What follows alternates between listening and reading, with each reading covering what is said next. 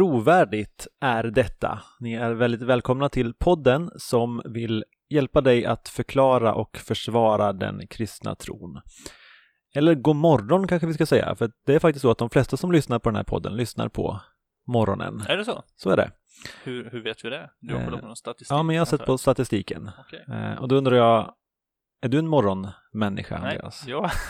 nej. Svar nej. Jag är inte en morgonmänniska. Jag är en gå och lägga sig alldeles för sent människa.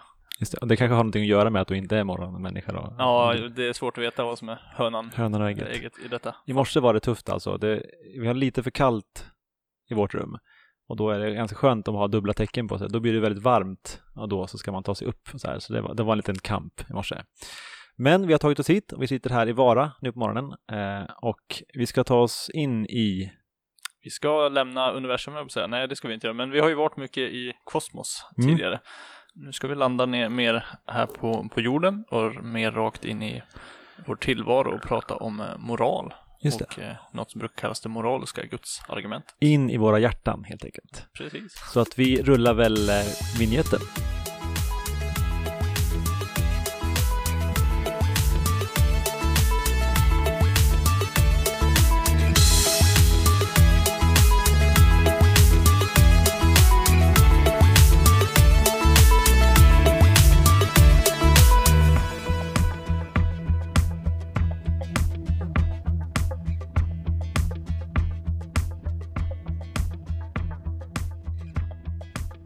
Ja, och då eh, är det så att vi ska prata om det här moraliska gudsargumentet och Andreas har fått i uppgift att eh, berätta lite mer om det. Mm. Vi ger varandra läxor i den här podden. Och jag fick läxan att prata om det moraliska gudsargumentet. Och vi lever ju i en tillvaro där vi faktiskt utgår, vi, vi gör moraliska värderingar eh, nästan varje dag.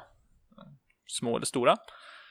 Och vi lever i en tid då vi till och med har något som kallas för FNs deklaration om de mänskliga rättigheterna. Som är liksom ett uttalande om att eh, människan har ett, ett inneboende värde. Det vill säga hon är värd någonting i sig själv, inte för hon kan göra eller sådär.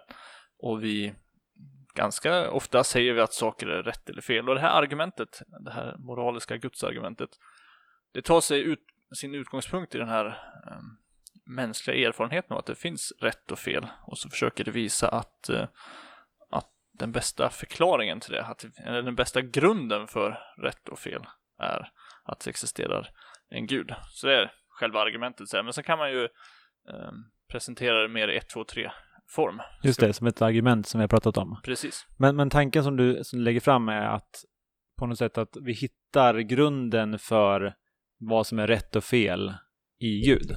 Precis. Det, det är ett ganska eh, basic eh, påstående. Det är inte så svårt att förstå vad det går ut på. Sen är ju inte, håller ju inte alla med och så, men det är vad, man försöker visa med argumentet. Ska, vi, ska jag gå igenom de premisserna? Ja, men gör det. Dra de premisserna. Absolut. Jag drar alla tre och sen kan vi försöka förklara dem lite och eh, sen tror jag att vi har laddat upp med lite invändningar också sådär. Mm. Då, då lyder argument, argumentet så här. Om Gud inte existerar, Om Gud Då- inte finns. ja precis, om, om Gud inte finns, Mm. då existerar inga objektiva och moraliska värden och Mm. förpliktelser. Mm. Det är det första påståendet, eller första premissen. Eh, Den andra premissen i det här argumentet är att, men det finns. Det finns faktiskt objektiva värden och eh, förpliktelser. Och då blir slutsatsen att, ja, då finns Gud. Just det. Om moraliska värden finns så finns Gud. Ja. Så, Det är ganska tydligt och enkelt. Ja. Så- där har vi argumentet. Vi kan ju kanske förklara, eh, gå in på varje premiss lite mer och dyka in i den. Om, om jag tar den här första premi- premissen till exempel. Eh, Påståendet är helt enkelt att om, om vi reducerar världen till, till bara materia och energi, alltså om universum är bara naturen så att säga, så är det väldigt svårt att se varför, ja, hur det skulle kunna existera Eh, mänskliga rättigheter eller rätt och fel i någon objektiv mening. Därför att allt är ju bara materia. Allt är, går att reducera. Det finns liksom ingen grund för de här eh, värdeutsagorna, alltså när man säger att saker är rätt och fel. Eller i alla fall väldigt svårt att se hur det kan finnas en grund i, i, i naturen när när det på sätt och vis inte är någon, någon skillnad på sig en, en sten och en människa. Båda sakerna består av, av ja, atomer och, och så.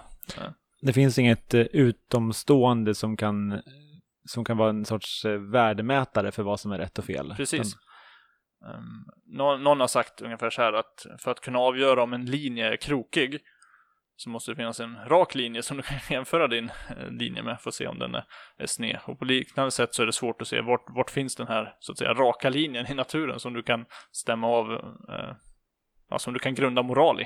Just det. Kan man, kan man säga att det är lite som en, eh, att ha en fotbollsmatch eh, utan att ha en domare? Det finns ingen som står utanför och kan tala om hur det borde vara. Kan man tänka så? Jag tycker det är en ganska bra liknelse, ja. Mm. Att det finns, ehm, det liksom finns ingen grund för det. I, i fotbollsmatchen, eh, då skulle ju spelarna kunna bli liksom sura på varandra för att du gjorde så och en annan blir sur Det- för det att du händer, gjorde så. Det händer så, ja exakt, det händer. Det händer ganska ofta. Mm. Och i fotbollsmatcher så gnäller vi på domaren också och tycker att han också har fel ofta. Så. Men, men det är ändå domaren som har sista ordet och det är- det den som, eh, som avgör eh, som är, som är grunden för vad som är rätt och fel i fotbollsmatchen. Mm. Och är han i sin tur, om man ska dra det här eh, riktigt långt, lite förlita sig på någon slags regelverk som finns uppsatt där. Liksom. Det finns en, en sak utanför matchen som avgör vad som får hända i, i matchen. Just det. Och om vi inte har det, om vi tar bort det från vår värld, om vi tar bort Gud från vår värld, då blir det som en fotbollsmatch utan regler. Det, det finns ingen standard som vi kan jämföra oss med. Nej, det är väldigt svårt att se vart den standarden skulle komma ifrån. Sen, sen det är klart, det här är ju ett påstående som vi gör nu, att det inte finns någon standard då om vi tar bort Gud. Och alla skulle ju inte acceptera det, men, men det är ändå vad argumentet hävdar. Vi- Och vi kommer ju till invändningar i andra delen.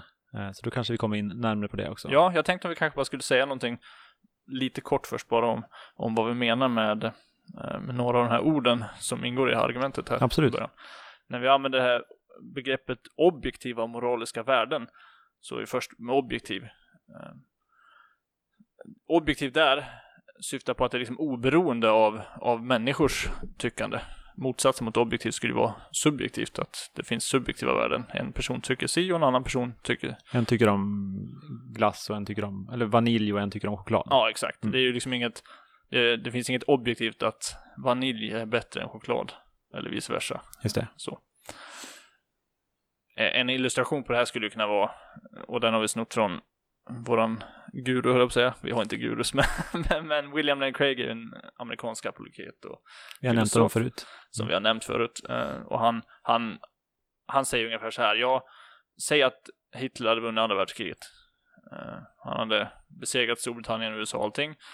eh, Skaffat sig världsherravälde och sen dessutom lyckats indoktrinera hela världen att, ja men med det som han gjorde i Tyskland, att judar är lägestående människor, inte ens människor och de förtjänar att, att utrotas. Alla tycker att det Hitler gjorde var Ja, exakt. rätt. Alla skulle liksom, vi skulle ha, kom ihåg Hitler-dagen istället för vad vi nu har för, för dagar här på år. Då vi liksom firar minnet av Hitler och hans stora framgång att döda alla judar.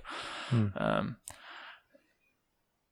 det skulle, om det finns objektiva värden så skulle vi säga att ja, men det vore fortfarande fel att utplåna 6 miljoner judar, alldeles oavsett vad alla människor tycker. Även om alla tycker att det är rätt så är det fortfarande fel. Precis, det, det är vad vi menar med att någonting är Oberoende av åsikter. Exakt, Ja. Mm. objektivt. Eh, Och, och värden och förpliktelser, det, man kan undra vad, är det? Ett sätt att förstå värden är, det kan vi faktiskt, det är ju det här med FNs deklaration om mänskliga rättigheterna. Eh, Där, I dem säger man att människan har vissa rättigheter utifrån att hon är en människa, hon har ett okränkbart värde. Och därför att hon har det så har hon vissa rättigheter. Hon har en rätt att eh, uttrycka vad hon känner och tycker. Hon har rätt att, ja, rätt till liv och, och en rad sådana saker. Därför att människan har ett värde i sig själv. Om man jämför med pengar till exempel. Pengar använder vi i vårt samhälle för att köpa och sälja och, och sådär. Men det är vi som samhälle som har tillskrivit de här pengarna värde. Vi har så att säga hittat på att pengar är, är värdefulla. De är ett, ett medel för att vi ska kunna handla och, och sådär. Just det, men de har, de har inget eget värde utan det är vi som har satt det värdet Ja, exakt. Och, och i rent, vad ska man säga, i, i rent pengamässigt så är ju oftast, en, jag tror att en 20-lapp kostar betydligt mycket mindre att tillverka än 20 kronor, men vi har bestämt att den är värd 20 kronor, trots att tillverkningskostnaden är mycket lägre än så, Mm. för att vi har satt ett, en, ett värde på det. Och en förpliktelse, det kan man, ja, det hör man ju, det är någonting som man borde göra, om man skulle kunna ja men säg att vi, vi har möjlighet att rädda en person som håller på att drunkna. Du är på badstranden och så ser du en person som håller på att drunkna där. Och så är det så att du är faktiskt en fantastisk simmare också, så du vet att om du kan, och du har gått på livräddningsskola, så du vet att om du hoppar i, i så kommer du kunna rädda den här personen utan någon som helst risk för ditt eget liv. Du är, du är jätteduktig eh, livräddare. En förpliktelse då är ju att faktiskt att göra det. Att, inte hoppa i och rädda den här personen eh, vore, vore fel. Alltså det det, något, det är en plikt, det är vår plikt att göra, Mm. göra den saken. Så det är vad vi menar med de här Just det. sakerna. Så till skillnad från pengar, för ett samhälle skulle ju kunna bestämma sig för att nej men nu vill vi inte ha pengar längre och då tappar ju pengarna direkt sitt värde. Men, och det finns samhällen som har bestämt sig för, som vi pratade om Hitler, som har bestämt sig för att de här människorna är inte värda någonting längre. Men, men till skillnad från pengarna då, så tappar människorna ändå inte sitt värde. Precis. Det, det betyder att de har ett moraliskt, eh, objektivt moraliskt ja, värde. Ett inneboende värde, bara i att de är människor liksom. Ja. Bra. Så det, det är själva argumentet att ja, om inte Gud finns, då finns inte sådana här värden. Men det finns sådana värden, alltså finns Gud. Och hur vet vi då att det finns sådana värden? Ja, det, det, vi, det kan vi ju fundera sen kanske ännu mer på när vi kommer till invändningar. Men, men hur vet vi det? Ja, grundläggande så, så som vi vet eh, det mesta om vår tillvaro, när vi lever våra liv här. Så hur får vi, eh, hur får vi kunskap om vår omvärld? Ja, genom våra, våra liksom mentala och, och fysiska förmågor. In, intuitioner? Ja, precis. Alltså, jag tar in omvärlden med min hörsel och min syn. Och på ett liknande sätt så har vi ju en eh, ja, moralisk intuition kanske man kan kalla det, men eh, ett, ett sinne. Ett, vi skulle Mm. kunna säga att vi har ett sinne för moral på liknande vis som vi har eh, ögon för att se världen och öron för att höra världen och känsel för att känna på världen så har vi också en slags eh, eh, möjlighet att uppfatta att eh, men det finns rätt Mm. och fel. Vi upplever att det finns moraliska värden. Precis. Mm. Och eh, så länge som vi inte har någon anledning att tvivla på på liksom våra andra sinnen, alltså att de är något som är tillförlitliga. Sen kan man missta sig och sådär, men de, något som är tillförlitliga. Så tror jag inte vi har någon anledning att tvivla på, på den här erfarenheten heller. Eh, och, och jag tror att det här är den mänskliga erfarenheten varje dag. Att när vi hör om saker som är fel så reagerar vi med att ja men det är fel folk blir jätteupprörda över saker hela tiden. Hela internet är fullt av folk som är upprörda över saker eh, och säger det här är fel, sluta diskriminera eller eh, ja, sluta med det, gör så, si. Alltså vi har massa sådana åsikter och någonstans så grundas ju de sakerna på att vi gör eh, värderingar av vad som är rätt och fel. Just det. Och på samma sätt som att vi litar på att, om jag litar på att det finns en mikrofon framför mig nu som jag pratar i, Mm. eh, så litar jag på min upplevelse av att det finns saker som är rätt och fel. Ja. Direkt. Precis. Ja, men, och vi ska kolla på, som sagt, på eh, vad skulle kunna vara invändningar emot det. Men eh, innan vi gör det, nu tycker jag att vi har landat i, i vad, Gud, vad det här moralargumentet är för någonting, så ska vi gå vidare till ett, det mellansegmentet som vi har kallat för Fördomspodden. Nej men fördomspåsen. Fördomspåsen. Det finns säkert en fördomspodd också. som jag lyssnar på som är bra. Men, men eh, här pratar vi om fördomspåsen. Ja, Ja. precis. Det är en lite mer eh, rumsren påse än podden för övrigt också. Så är det nog. Så är det.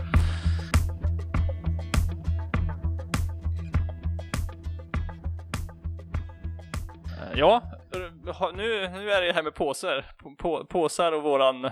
Ja, det är ju mitt fel. Det är ju svårt att komma ihåg saker eh, ibland, kan jag tycka. Och eh, nu var det så att jag glömde påsen. Eh, så nu sitter vi här igen. Eh, Utan påse i Utan. fördomspåsen. men vi eh, hade det så bra så att vi drog ju en Det gjorde vi. eh, fördom förra gången. Det gjorde vi. Vilken var det? Ja, den fördomen löd så här att alla kristna tycker ju samma. Liksom man buntar ihop, va, va, alla kristna är ju som någon slags bara enhetligt liksom massa. Och jag, skulle gissa att man ofta förknippar ehm, man, ibland så kan kristna förknippas med vissa saker som man då tycker är negativt, apropå värderingar så här. Just det. Eh, Så, och inte så sällan så pratar de om så här amerikansk kristen höger och så buntar vi ihop alla kristna så där är, är kristna liksom. Mm. Säger vi om det? Lite hjärntvättade, kan man tänka åt det hållet också? Och kanske. Mm. lite indoktrinerade, uppvuxna i församlingar och lärt sig från barnsben vad de ska tycka och tänka i allting liksom. Ja, vad ska vi säga om det? Eh, det här är en intressant invändning för att ibland hör man ju den andra invändningen som är åt andra hållet och säger så här, varför finns det så många olika kyrkor? Ja, just det. Eh, och det är konstigt. Så det är ju verkligen två olika sidor. Jag tänker att någon sorts C.S. Lewis han har pratat om någonting som kallas för mere Christianity, alltså grundläggande kristen tro. Saker som de flesta kristna är överens om helt enkelt. Ja, men alla de stora eh, samfunden kan man säga. Gud finns och Jesus är vägen till Gud. Och... Ja, Och så. men så, precis.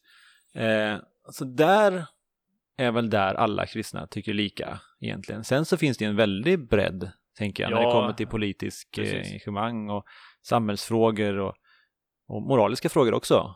Eh, att man kan ha olika åsikter. Men, men grundläggande är ju, som du sa, att Gud finns, Jesus har uppstått. Eh, och dessutom att på något sätt att Bibeln är rättesnöret. Så att alla kristna vill ju hämta, tänker jag, sin moral och sina värderingar utifrån Bibeln. Sen så har vi olika, eh, drar vi olika slutsatser ibland. Ja, och, och så har kanske olika kristna olika syn på vad Bibeln är också som gör att ja, det spretar iväg ändå sådär liksom. Även om man Just det. någonstans ser Bibeln som en text som är viktig för den kristna tron så även där så skiljer det sig. Vi sa ju det här med, eller du sa det här med olika kyrkor. Mm. Och det finns nog säkert olika samfund som skulle uttrycka sin syn på Bibeln olika så också. Så till och med där tror jag nog att det, även om vi, jag, jag håller med dig, jag, jag tänker att det också finns en slags grundläggande kristen tro där de flesta kristna är överens, men eh, den tid som vi lever i så till och med på det området kan jag känna att det sp- spretar ibland, så att i någon mening så vet jag inte om alla kristna tycker Nej, men jag, jag, jag tänker inte att det är så. Eh, någon, någon grund finns det, men sen kan det spreta ganska mycket. Och när det kommer till det här med hjärn, hjärntvättandet eh, så, så kan jag tänka att det finns ju absolut tillfällen där folk inte har tänkt igenom sin tro, utan man har gått på det man har, man har eh, hört och inte egentligen funderat själv. Och jag ser väl egentligen inget fel med att någon har växt upp i en kristen familj och sen eh, tyckte att det, var, det här var det bästa. Eh, men vi skulle ändå i den här podden vilja uppmuntra till att man tänker igenom sin tro, att man har en genomtänkt tro. Och det är väl det vi försöker hjälpa till med på något sätt här. Att man prövar vad man tänker och tror och var, framförallt ta reda på varför tror jag det här. För, för det finns ju, tänk, tycker jag och tänker jag, ehm, bara det att man växer upp i en familj, man får ju till sig massa värderingar och, och så här gör vi i våran familj med det här och, och, och det gäller ju både små och stora saker. Ehm, Men, men sen kommer vi ut till någonstans i vårt liv där man behöver liksom tänka och fundera över, ja men vill jag göra så och, varför i så fall? Och, och det tror jag, jag tror att vi mår bra om, om vi låter tron också vara en sån sak. Så även om jag har vuxit upp och blivit hjärntvättad. Nu gjorde Andreas sådana här har såna här öron. öron. Exakt. Uh, kaninöron som man inte ser. Men om man har blivit hjärntvättad med kaninöron eh, så, så är det nog bra att man någon gång i livet ändå tar sig en funderare. Och, och det skulle jag påstå, det gäller ju inte bara kristna. Det gäller väl alla som växer upp, i- alldeles oavsett trosåskådning, om man är naturalist eller buddhist eller islamist, jag säga, men jag menar muslim. Eh, oavsett vad man är så tror jag man mår bra av att tänka igenom på varför tror jag som jag gör, varför har jag de övertygelser jag har. Så. Absolut, och speciellt kristen tro, så eh, man kan ju säga att om den är sann så är det värt att testa. Absolut. Och det tror vi ju, så att... Det tror vi. Mm. Jag vet inte vad jag säger, som- jag, jag tänker att vi, vi lägger tillbaka den i påsen, eller vi tar ur den i påsen och kastar, kastar oss på en eh, ny fördom till, till nästa tillfälle. Ja, och då har vi ju som sagt glömt den här påsen då. Men då var det så bra att vi har fått en fråga skickas till oss, eller vi har fått två egentligen, men, men eh, en, den första eh, fick vi skicka till oss på Facebook eh, av någon som lyssnar. Det var Precis. Hampus Andersson. Hampus Andersson, shout out till dig. Verkligen. du lyssnar nu, det hoppas vi att du gör. Mm. Här, så här skrev du i alla fall Hampus. Det blir väldigt personligt nu. vi talar till Hampus, men alla, så här skrev Hampus. Eh, det går ju att vara snäll och eh, leva ett bra liv utan att eh, tro på Gud. Eller utan att vara kristen. Mm. Eh, Behöver man Gud ja, då? precis. Det är en jättebra fråga som vi pratar om Nästa gång, i nästa avsnitt. nästa avsnitt ja. Och eh, det betyder att det här, den här delen är slut och vi går vidare till det som är invändningar till det moraliska argumentet.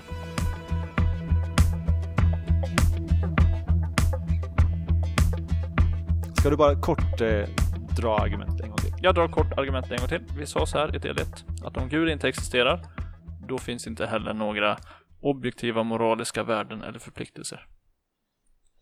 Men det finns objektiva värden och förpliktelser. Moraliska sådana. Och alltså finns Gud. Det Ja. följer de här. Om, om de här påståendena är sanna så hänger de ihop rent logiskt. De följer. Så då är ju frågan, är de här påståendena sanna? För man kan invända mot dem. Och då har vi landat i en, eh, att det finns eh, utifrån det argumentet en, en gud som är grunden för moralen eh, och ger värde till människan också. Men då kan man ju fundera så här, om man är ett ateist då, då kan man bli lite stött, tänker jag. Och, och tänka så här att, men vad då? jag är ju moralisk, jag har ju bra värderingar, jag tror inte på Gud. Måste jag vara, säger du att det är bara kristna som kan ha bra värderingar? Är det är det, det du påstår? Jajamän! Nej, inte alls faktiskt. Nej, tvärtom. Ironi? Eh, ja, ironi. ironi, eh, jag vet inte om det är bra eller dåligt, men eh, det kan vi ha olika åsikter om. Mm. Det kan vara subjektivt. Men nej, vår erfarenhet är ju, och den tror jag delar med a- allra flesta människor, att man kan träffa personer som är kristna och ganska otrevliga och nasty, inte alls så härliga, Mm. och som ger uttryck för alla möjliga övertygelser som man liksom ryggar tillbaka inför. Precis som jag kan träffa en eh, ateist som är jättetrevlig och som, som brinner för att hjälpa andra människor och som ja, eh, är i våra ögon en, en god, det. god och Eller bra en person. buddhist eller en Ja. Hindu eller vad som helst.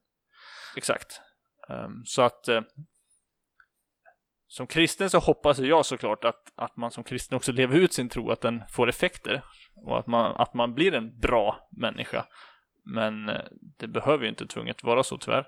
Och på samma sätt så kan, kan andra människor, trots sin världsåskådning, ändå göra väldigt bra saker och, och vara goda.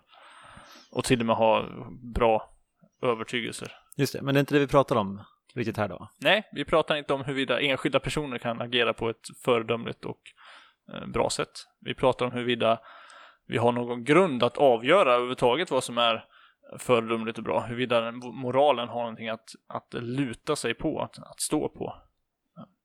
Och, och här, här ska jag lyfta in två saker som kan vara bra att eh, ha med. Två, två lite knepiga ord som vi ska försöka förklara. Och det ena ordet är ontologi och det andra ordet är epistemologi. Eh, och de här fina orden som du kan slänga med på någon fest vid något tillfälle. Det, det handlar egentligen om eh, ontologi handlar om, om grunden för tillvaron, hur saker är. Alltså vad, vad, ja, det är helt enkelt läran om vad är saker liksom, vad, vad grundas saker i. Och epistemologi, det handlar om hur vet vi saker. Och det här argumentet, det handlar inte så mycket om hur vi får reda på saker. Det är alltså inte ett argument där vi säger vi måste ha Bibeln så vi kan reda ut vad som är rätt och fel. Just Det är inte vad argumentet säger. det Argumentet svarar säger inte på att- frågan hur blir vi bra människor? Precis, utan det, det, det svarar på frågan vart, grund, vart finns grunden för, eh, Mm. för moral, moraliska värderingar och förpliktelser? Vad, vad är det som liksom är som en, ja som vi sa förut, vad är det som är domaren? Just det. Så egentligen kan man säga att det här argumentet stödjer ju premiss två. För att man säger att det finns saker som är rätt och fel. Precis, Att man säger att en ateist kan vara moralisk.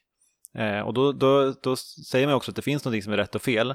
Eh, och det är det vi menar. Så att, det, att det, här, det spelar ingen roll om man är kristen eller inte för att kunna nå upp till den standarden. Kan man säga. Man kan göra det som är rätt även fast man inte tror på Gud. precis, det, det kan man. Mm. eh, I, I någon mening. Sen om den kristna tron är sann så finns det ju massa saker som en ateist inte gör. Som den borde göra utifrån att den kristna tron är sann. Men Just det. dit har vi inte, så långt har vi inte kommit än. Nu rör vi oss på ett mer allmänt liksom, plan. Eh, Ja, att det finns rätt och fel så. Jag, jag hörde någon eh, som pratade om det. Han sa att men sen, utmaningen var från ateist, nämn en god gärning som inte en ateist kan göra, som bara en kristen kan göra. Och då vet jag att det var en pastor som sa, tionde. ja, precis. Du kan ge tionde. tionde. Men, men, men enk, en enkel sak är att älska Gud. Ja, Om, om kristen tro är sann så ingår det i vår moral att älska Gud. Ja. Eh, och det kan inte en ateist göra. nej, det blir svårt att älska Det är något svårt. som du Ja, men om man inte tror på- ja. Men det, det kanske vi kommer till i en annan, eh, närmare i en annan eh, podd. Men, men grundpoängen i alla fall är att det här handlar inte om huruvida enskilda personer kan vara goda, utan vad som är grunden för. Eh, ett annat, eh, en annan invändning eh, handlar om ett dilemma. Det var en, en snubbe, vad hette han?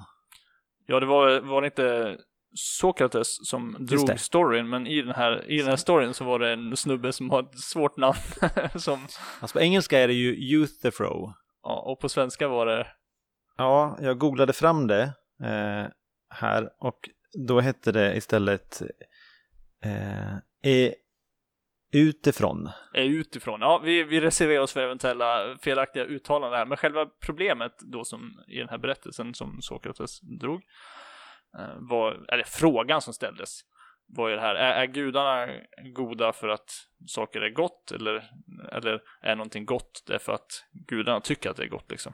Just det. Finns det så att säga en, en standard som gudarna tittar på och ser, kolla här, här finns något gott, så det tycker vi är bra.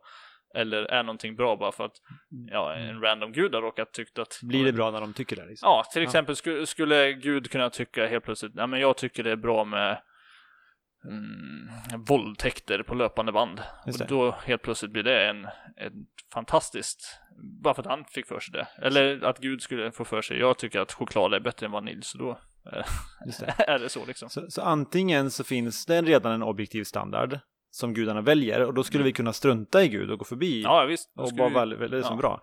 Då blir det inte beroende av Gud. Nej. Eller så blir det väldigt subjektivt. Eh, Ja, gudarna skulle kunna hitta på vad som helst liksom. ja. Så det, då tyckte han att det här är ett problem.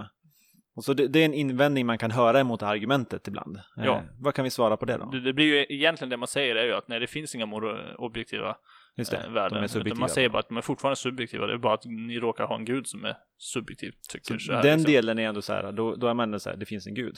Eller ja, gudar. ja, Men, men ingen av dem är ju bra egentligen. nej. Nej. Nej men, och, och det enkla svaret är att det är ett falskt dilemma. Vi, vi har, det finns ett tredje alternativ. Vi måste inte välja mellan att det finns någon slags moral utanför Gud som Gud förhåller sig till, eller att Gud bara är subjektivt. Det är inte A eller B utan det finns Nej. ett C. Ja, ett C eller vad nu som skulle vara mellan A och B, A och en halv. Nej, men det finns ett tredje alternativ helt enkelt och det alternativet är att, att moralen är grundad i Guds egen natur. Att eh, han är eh, godheten själv Mm. eh, i, i, i vem han är. Det är Just inte så att Gud så att säga råkar Ja, idag tyckte jag det här var en bra idé, att det här ska vara moraliska värderingar, utan det är grundat i att Gud är, är god. eh, Mm. I Guds egen Det är hans eh, natur, som styr vad, som, vad han väljer. Ja, han, han skulle inte kunna välja ont eller liknande. Nej. mm. Eh, någon har liknat det vid, vid en ljudinspelning. Att eh, ja, når man upp till en viss kvalitet på ljudinspelning så kan man liksom säga att det här är en hög kvalitativ ljudinspelning. Just det. Eh, och, och Gud, det bara är så liksom. Det är själva standarden för vad en bra inspelning är liksom. När Mm. den når upp till en viss, viss nivå. Och sådan är Gud. Han är, bara är sådan. Att han har godheten i sig liksom. Han är standarden i sig själv. Just det. Så då har vi tagit bort den invändningen. Ja, vi bara slår ner dem på löpande band här. Vi har, vi har, eh, nu har vi fyra kvar som Oj, vi ska gå igenom. Det, är- Ja, det är mycket invändningar med just, det här argumentet. Jag tror att det, att det handlar om att det här berör mycket. Eh, Det ligger ganska nära oss till skillnad från universum som är ganska långt bort. Ja, det Så då, därför blir det mycket invändningar mot det här. Men eh, en annan invändning, eh, den tredje, handlar om det här med den mänskliga utvecklingen eller evolutionen. Så kan man inte bara tänka sig att, att vår moral har utvecklats fram? Alltså, för oss har det blivit ganska bra att inte mörda. Mm. Att in, våldtäkt till exempel har, eh, är inte bra för mänskligheten och därför har det blivit tabu Just det. att utföra. Kan man se moral på det sättet? Jag ser väl eh, ett antal problem med, med att grunda moralen i evolutionen. Ett, ett första problem är att vi, eh, om vi föreställer oss att det har skett en sån evolution så som, så som vi vanligen presenteras, att den sker på grund av naturligt urval och eh, slumpvisa Just det, mutationer. en sorts naturalistisk Ja, evolution. Precis som Mm. så. Mm. Om vi bara spo, så att säga, spolar tiden bakåt Mm. Eh, Och så låter alltså vi, vi, vi kör tillbaks till första cellens tillblivelse. Hur nu det gick till. Mm. Och så låter vi evolutionen rulla på en andra gång liksom. Mm. Det är ingenting som säger att det skulle landa i samma, samma saker som, som idag. För den är, den är slumpad. Ja, den är den evolution om den är så som, Mm. som man säger i vardaget så handlar den om, den är slumpmässig utifrån liksom mutationer och så ett naturligt urval som, som väljer vad som, som ja, har störst överlevnadschans liksom. Det som är bäst anpassat råkar överleva.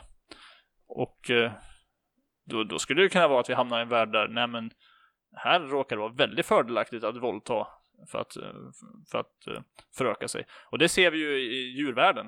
Det finns massa djur som inte direkt ber om lov först innan de parar sig med, med sin eh, hane eller hona.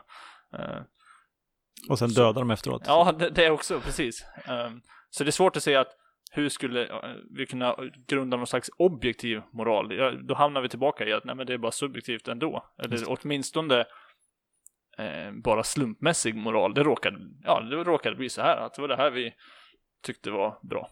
Just det. Så. Mm. Då blir det Det- beroende av åsikter eller beroende av Ja, exakt. vad, vad människan lyckats utveckla fram för åsikter. Ja. ja. Ja, och då på något sätt så är ju den här invändningen en sorts som styrker premiss ett. Att om Gud inte finns så finns det ingen objektiv moral. Då är ju moralen bara sån att den har utvecklats Ja, fram. den är bara en följd av, av tid och evolution liksom. Så frågan här blir ju, eh, och då, då kommer ju frågan in, tror vi på evolutionen eller inte? Och det kommer vi säkert beröra i ett annat avsnitt eh, också. Men säg att evolutionen har skett, eh, då har vi ju bara moralisk förändring istället för moralisk progression eller liksom att vi har kommit till bättre moraliska värden nu. Så frågan blir väl återigen då, tror vi att, att det finns sånt som är rätt och fel?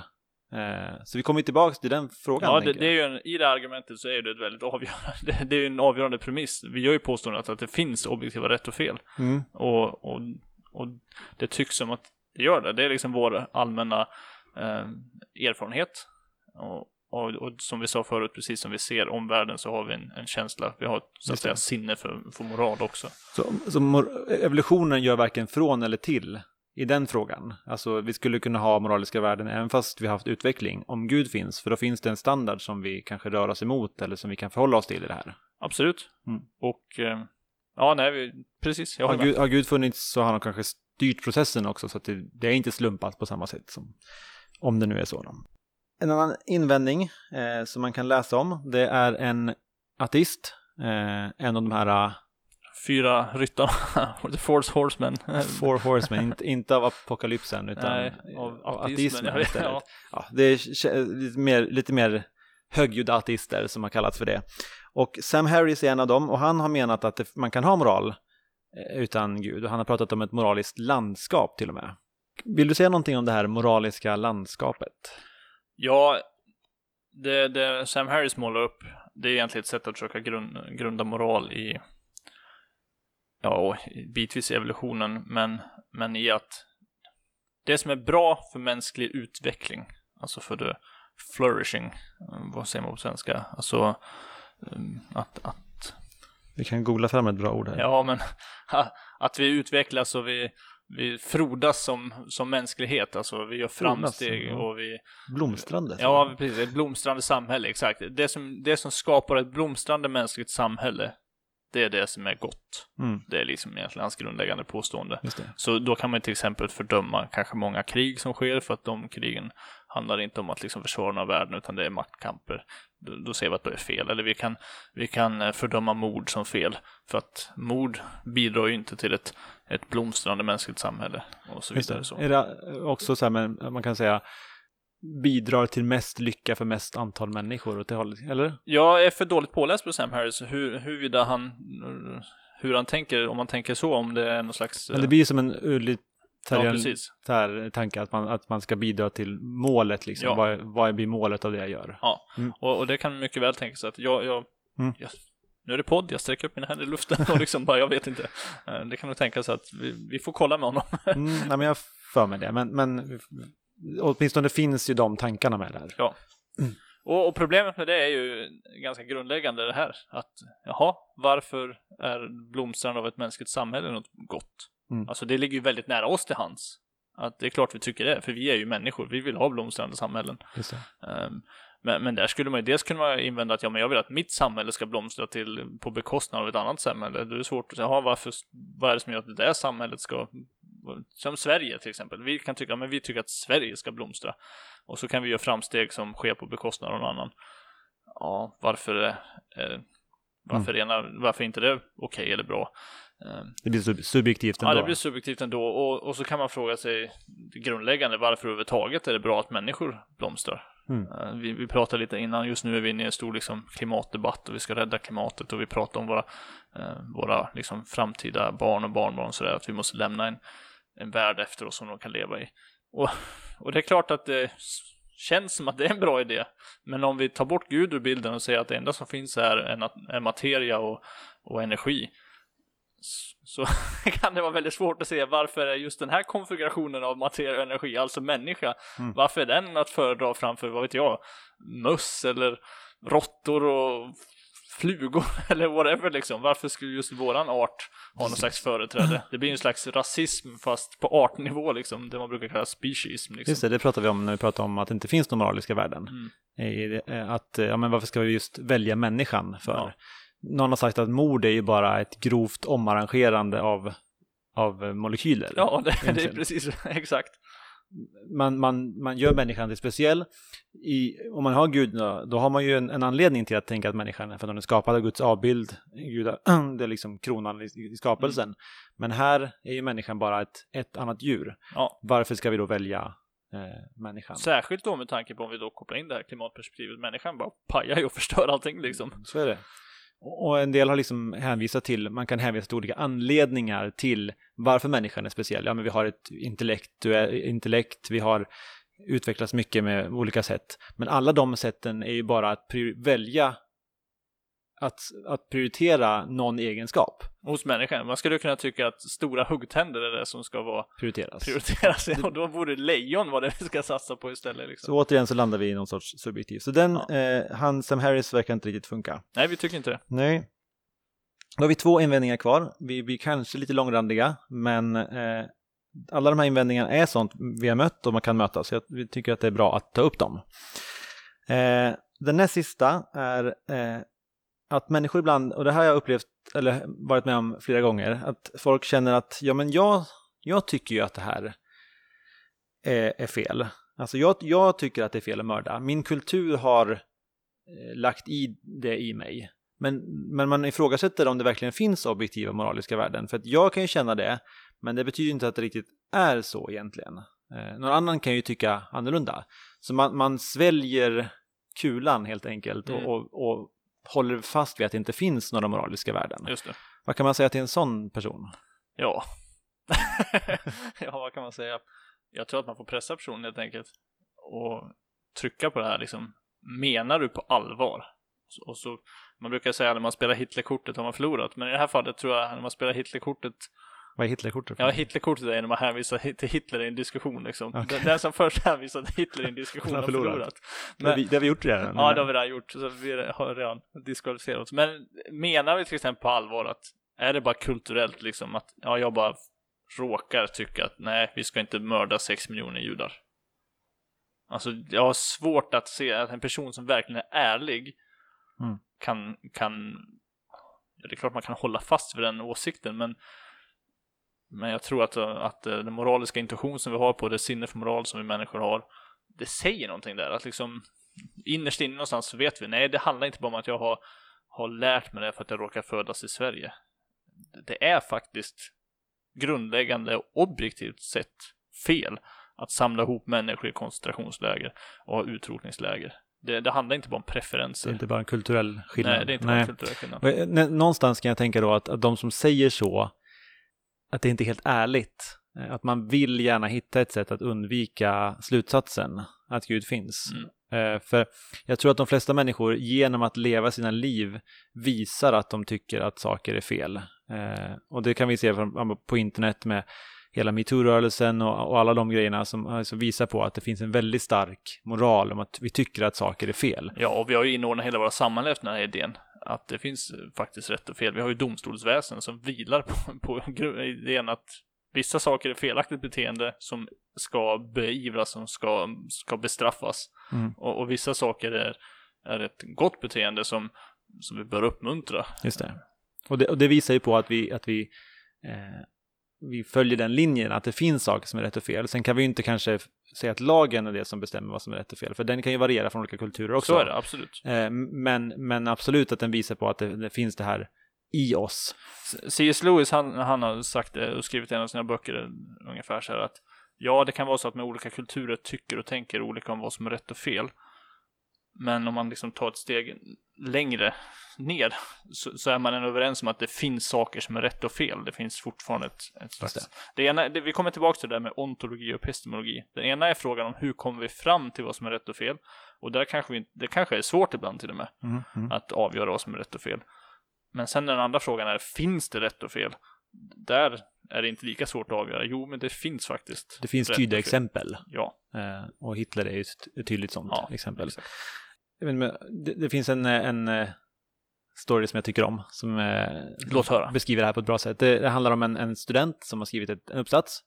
Eh, där han lagt ner mycket själ och hjärta i den här uppsatsen och så har han skrivit en, en, en uppsats som handlar om att det finns inga rätt och fel. Han har arg- argumenterat för nihilism, att, att allt är tillåtet. Så lämnar han in den här upp, eh, uppsatsen till sin lärare som rättar den och när han får tillbaka den så är det ett stort fett eh, underkänt. Eh, och då, hur kunde du underkänna den här? undrar den här studenten. Ja, men du förstår, du lämnar in det med en röd mapp. Och jag tycker inte om röda mappar, så då får du underkänt. Eh, och eleven svarar med, vadå? Så kan du inte göra. Det är, ju, det är ju helt fel. Så får man inte göra.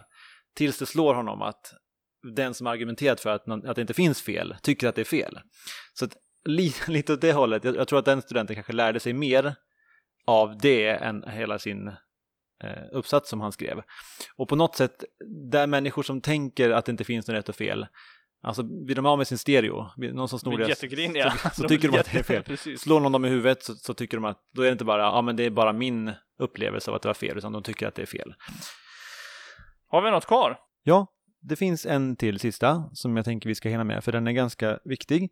Eh, vi sa förut att, att Guds väsen är det som är det goda. Ja, Guds natur. Guds Vem natur, är liksom. vem han är, ja precis. Och då kan man undra så här, men skulle inte Gud kunna vara en ond Gud istället? Varför är han just god? Ja, varför ska vi identifiera Gud som god och varför tror vi att det är hans natur som är, är det goda? Det handlar ju enklast förklarat om att om man definierar ondska så måste liksom för att kunna definiera något som ont så måste det finnas en, en slags morallag som det, det onda bryter mot. On, ondska att bryta mot eh, upp, en uppsatt standard. Ja, pre precis. Mm. Vi skulle i vårt samhälle till exempel, även fast det finns mer, blir mer subjektivt nu då, men vi skulle ju säga att ja, det, är, det är ondska att, att kidnappa någon, eller ondska att, att mörda någon för att vi har en lag i Sverige. Och dessutom så erkänner vi att människor har ett, ett värde och att när vi kidnappar eller mördar någon så kränker vi det värdet. Alltså det finns, det där människovärdet finns där som en garant för att så där gör man inte. Just det. Så. Och på liknande sätt så då, då, då uppstår ju frågan om det nu finns den här onda guden. Vart, vart finns den här morallagen över honom som han så att säga kan, kan bryta mot? Och då kan man inte bara placera in, placera in den i Gud heller, för då blir det någon slags inneboende konflikt i Gud och då pratar vi inte om Gud längre heller. Jag hoppas man förstod vad jag Mm, försökte men- sammanfatta det. Jag tror det. Jag menar att man, man, man landar i att Gud är ju standarden. Men om det skulle finnas något utanför honom, då skulle han inte vara Gud. För att då skulle det inte finnas något som är större än Gud. Gud måste ju vara det högsta. Eh, det är det som ingår i definitionen av Gud, tänker jag. Precis, och, och det andra man skulle kunna säga där också om, om det, det här med en ond gud istället. I, I argumentet säger vi att om inte moraliska, eller om Gud inte existerar så finns inte objektiv moral och, och skyldigheter, eller moral och förpliktelser. Och när vi använder ordet Gud i argumentet, det vi syftar på då är, är ju en, den största tänkbara liksom, den, Det högsta tänkbara. Om det skulle finnas något högre än det vi kan tänka oss så skulle det vara Gud. Det Eh, Precis, och då, och då börjar vi glida in på ett annat argument. Men o- en annan definition av Gud är också att Gud är det som är värt att tillbedjas. Det är det. det. vi syftar på i argumentet. Det är liksom inbyggt i argumentet. Vi, eh, och en ond Gud är inte värd att tillbedjas, så det skulle inte ens gå att kalla det Gud med stort G, utan ja, det blir någon slags antigud eller vad man ska kalla det då. Just det. Mm. Ja, men det låter vettigt. Det, då skulle den tappa vad det är att vara Gud. Om det, då ska vi inte säga att det är... Nej, det är något annat. Mm. Något annat än Gud. Och om någon vill argumentera för att det finns en antigud, då är, då är det... Välkommen om det kommer fler. Ja, gör det. Och så Men, men det vi syftar på här är en gud som är standarden för vad moral är. Och den måste per definition vara god. Ja. Eh, Och just det här när det kommer till det här eh, högsta tänkbara så är det faktiskt, eh, kommer vi prata mer om det i nästa avsnitt när vi ska prata om det ontologiska gudsargumentet. Ja, precis. Vi har, vi har använt ordet ontologi en gång tidigare, så du får väl förklara det mer. I det Då. avsnittet. Ja, absolut. Men för den här gången så tackar vi för oss. Tack för att ni lyssnade. Följ oss gärna på Facebook. och Instagram. Instagram finns vi också på, där vi lägger ut när det kommer ut nya avsnitt. Eh, skicka gärna in, som Hampus gjorde, skicka gärna in frågor och tankar, eh, så ska vi försöka ta upp det i programmet. Och så ska vi tacka eh, den som har gjort vår eh, vignett, eller vår inledning, vår musik, Kid Amazed, som finns på Spotify att lyssna på. Vi är så tacksamma. Verkligen. Och tack, tack för att ni har lyssnat, så hörs vi igen om ett tag. Ha det gott. Hej.